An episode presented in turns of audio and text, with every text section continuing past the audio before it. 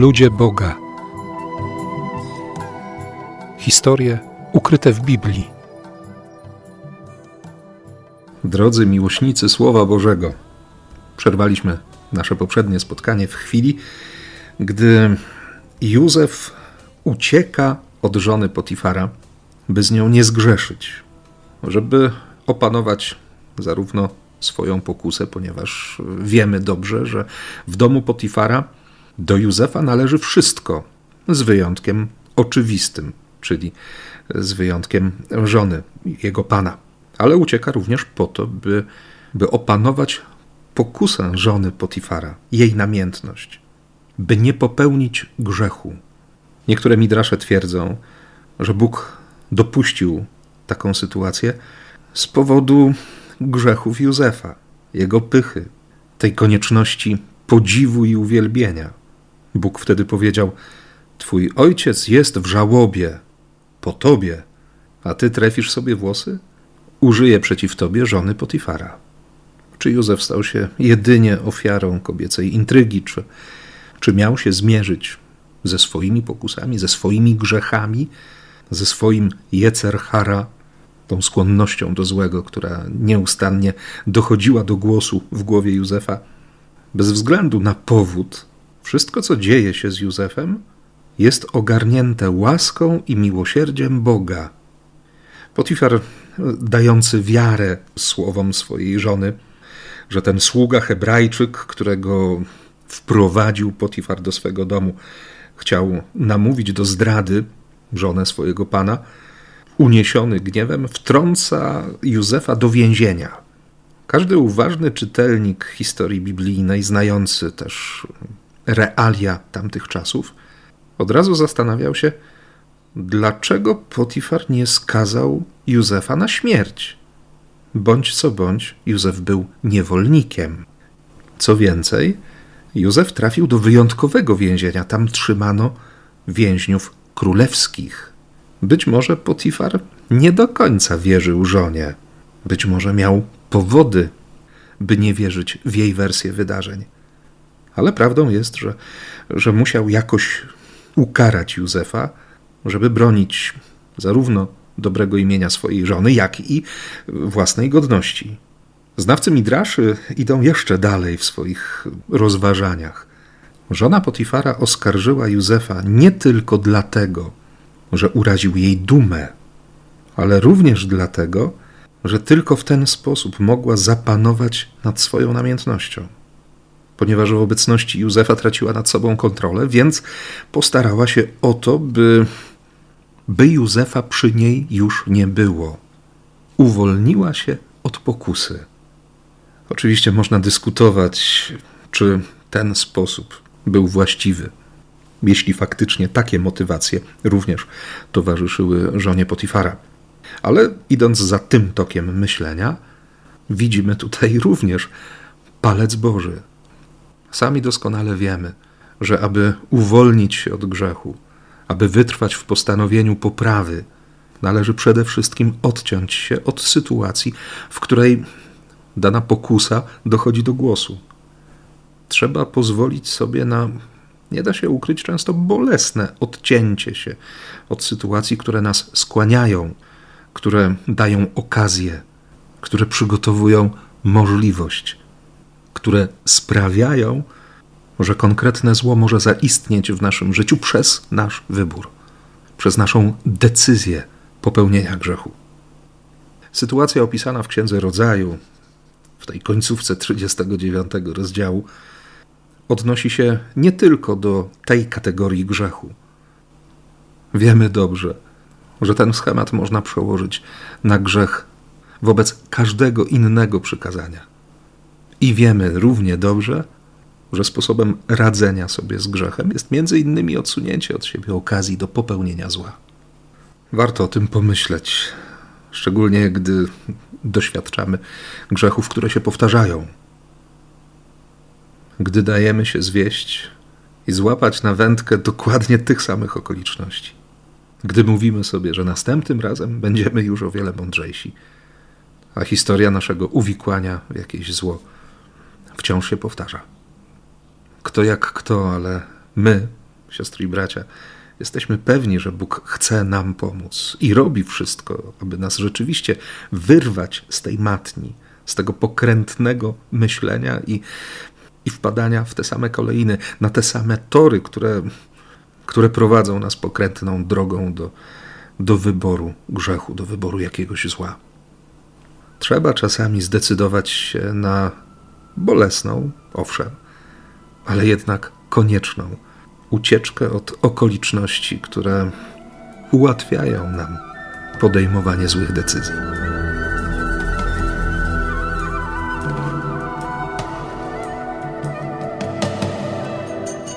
Wydaje się, że dla naszego bohatera Józefa królewskie więzienie będzie ku temu naprawdę dobrą okazją i jednocześnie szkołą, w której Józef wiele się nauczy. Usłyszymy pod koniec 39 rozdziału Księgi Początków, że Pan był z Józefem, okazując mu łaskę i miłosierdzie, tak, że zjednał on sobie naczelnika więzienia. To też ów naczelnik więzienia dał Józefowi władzę nad wszystkimi znajdującymi się tam więźniami. Wszystko, cokolwiek mieli oni spełnić, spełniali tak, jak on zarządził. Naczelnik więzienia już zupełnie nie miał potrzeby wglądu w to, co było pod władzą Józefa, ponieważ Pan był z nim i sprawiał, że udawało mu się wszystko, co czynił swoimi rękami. Tak ostatnie wersety 39 rozdziału przedstawi nam Targum Neofiti. Józef żyje w więzieniu przez 12 lat. Cieszy się zaufaniem naczelnika więzienia, zdobywa znaczenie i uznanie wśród pozostałych więźniów. Jest ogarnięty błogosławieństwem Boga, które przejawia się między innymi w zdolności tłumaczenia snów. Ciekawe jest to, że, że pośród Żydów sztuka czytania snów nigdy nie cieszyła się większą estymą. Co więcej, późniejsze prawo żydowskie zakazywało korzystania z takich umiejętności. W Biblii hebrajskiej spotkamy tylko dwie osoby, które są wezwane do objaśniania snów. Pierwszą z nich jest Józef w Egipcie, drugą prorok Daniel na wygnaniu w Babilonie. Obaj tłumaczą sny na użytek obcych władców. Ale zanim Józef stanie przed faraonem i będzie tłumaczył królewskie sny, najpierw wyjaśnia znaczenia marzeń sennych nadwornemu piekarzowi i nadwornemu podczaszemu, dla pierwszego sen zwiastował śmierć, dla drugiego był znakiem uwolnienia. Józef we właściwy sposób zinterpretował obydwa sny i faktycznie naczelny zwierzchnik piekarzy faraona został stracony, a głównemu podczaszemu zwrócono wolność. Wspomniałem wcześniej, że ta zdolność tłumaczenia snów nie cieszyła się u Żydów szacunkiem. Dlatego w 23 wersecie 40 rozdziału Księgi Rodzaju, według przekładu Targumu Neofiti, przeczytamy: Józef zapomniał o przychylności, która jest z góry, oraz o przychylności, która jest z dołu, a także o przychylności, która towarzyszyła mu z domu ojca. Zaufał on naczelnemu podczaszemu, ciału, które przemija, ciału, które smakuje kielich śmierci i nie pamiętał pisma, gdzie jest napisane w księdze prawa Pana, która jest jak księga wojny. Przeklęty niech będzie syn człowieczy, który ufa ciału i pokłada swoje zaufanie w ciele. Dlatego naczelny podczaszy nie pamiętał o Józefie i zapomniał go do czasu, w którym miało nadejść jego uwolnienie. A wszystko przez to, że Józef po wyjaśnieniu snu głównemu podczaszemu poprosił go, jeśli nie zapomnisz o mnie, okaż mi łaskę i miłosierdzie, kiedy będzie ci się dobrze działo. Wspomnij o mnie faraonowi, aby mnie uwolnił z tego więzienia. Wciąż wraca do swoich grzechów, do swoich przyzwyczajeń. Wydaje się być tak bardzo bliski każdemu z nas, bo przecież dobrze wiemy i wiele razy przekonaliśmy się, jak trudna jest droga nawrócenia. Jak często zabiegamy bardziej o przychylność człowieka niż o to, żeby, żeby mieć świadomość utkwionych w nas oczu samego Boga. Wystarczy przypomnieć sobie, ile czasu poświęcamy na to, by było nam dobrze z ludźmi. A jak często zastanawiamy się nad tym, czy Bogu jest dobrze z nami. Co robimy tak po ludzku, żeby ucieszyć naszego Ojca Niebieskiego? Jak często pojawia się w nas ta świadomość, że jesteśmy oczkiem w Jego głowie? Kiedy ostatnio czuliśmy się dumni z tego powodu, że jesteśmy dziećmi Bożymi? Józef szuka pomocy u ludzi, zabiega o względy ludzkie, ale czy się modli? Może dlatego autor Targumu w tym ostatnim wersie 40 rozdziału Księgi Rodzaju napisał, że, że Józef zapomniał, zapomniał o Bogu. Nie pamiętał pisma. Od wydarzeń z nadwornym piekarzem i nadwornym podczaszym mijają dwa lata. Straszne sny nawiedzają samego faraona.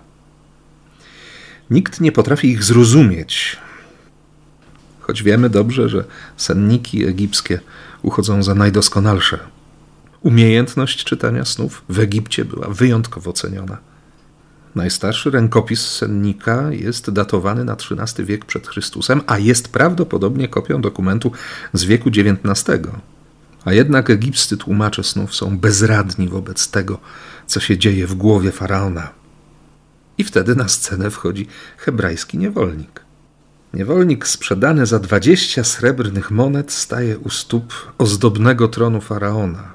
Dzieli go od władcy całego kraju 70 stopni. Liczba stopni jest równa liczbie znanych w ówczesnym świecie języków.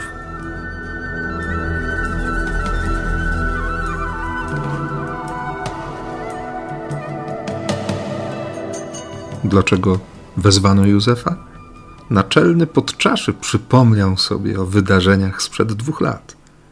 Opowiedział faraonowi, co się wydarzyło wtedy w więzieniu, i ten kazał wezwać Józefa. Nie wiemy, co Józef przeżył przez te dwa lata w więzieniu, ale kiedy staje przed faraonem i słyszy o śnie, którego znaczenie ma wyjaśnić, odpowiada: Nie ode mnie, lecz od Pana wyjdzie pomyślna odpowiedź dla ciebie. W bardzo podobny sposób odezwie się Daniel do króla Baltazara, który nie będzie potrafił zrozumieć znaków nakreślonych przez piszącą rękę na wapnie ściany swojego pałacu podczas uczty, w czasie której używano naczyń zrabowanych przez Nabuchodonozora ze świątyni jerozolimskiej. Dwa sny przedstawione Józefowi tak naprawdę mają jedno znaczenie. Egipt czeka siedem lat urodzaju i później siedem lat niedostatku. Trzeba się przygotować do tego czasu, wykorzystując błogosławieństwo i obfitość plonów. Władca zrozumiał, że Józef ma rację. Skąd to wiedział? Żydowscy rabini twierdzą, że w śnie proroczym widzi się nie tylko znaki i symbole, ale też rozumie się ich sens. Jednak po przebudzeniu zostają w pamięci śniącego jedynie obrazy. Potrzeba zatem kogoś, kto przyjdzie i przypomni właściwe znaczenie tego, co, co pojawiło się we śnie. Józef jedynie pomaga przypomnieć sobie faraonowi to, co on sam już wie. W pewnym sensie Józef pełni rolę położnej, akuszerki. Ma pomóc urodzić się, ujawnić tej myśli, która już istnieje. Józef odsłonił jedynie przed faraonem jego własne myśli i przeczucia. Oczywiście faraon nie miał wątpliwości, że ten niewolnik jest obdarzony mądrością. Dlatego powiedział do swoich dworzan, przeczytamy o tym w 38 wersecie 41 rozdziału Księgi Rodzaju, czyż będziemy mogli znaleźć podobnego mu człowieka, w którym mieszkałby jak w nim duch, który jest od Pana? Skoro Bóg dał ci poznać to wszystko, nie ma nikogo, kto by ci dorównał rozsądkiem i mądrością. Ta mądrość to nie scjencja okulta, wiedza tajemna, ale sztuka rozumienia, sztuka interpretacji, umiejętność czytania rzeczywistości i wydobywania tego, co się dzieje. To jest charyzmat, który ma być pomocą dla innych. Nie umiejętność, która będzie się karmić drapieżnie zaszczytami i budzić zachwyt, by wbić człowieka w pychę. Bo jak dobrze wiemy z listów świętego Pawła, każdy charyzmat jest dany dla budowania wspólnoty. wszystko, co mam, co otrzymałem od Boga, ma służyć innym. Dlatego faraon chce uczynić Józefa, niewolnika, wicekrólem, zarządcą nad całym domem faraona, panem i rządcą całego kraju Egiptu. Czy obcy może panować nad nieswoim ludem? Jeden z midraszy daje tutaj ciekawą odpowiedź. Żeby stanąć obok faraona, trzeba pokonać 70 stopni, czyli znać wszystkie języki świata. Taką umiejętność może posiąść jedynie człowiek najlepszego rodu, najbardziej wykształcony. Opowieść żydowska mówi o tym, że następnego dnia, kiedy, kiedy zostało faraonowi ujawnione znaczenie snów, ten chciał sprawdzić Józefa. I wtedy w nocy przyszedł do Józefa anioł, który nauczył go wszystkich języków. Nazajutrz Józef został poddany próbie i okazało się, że zna o jeden język więcej niż faraon.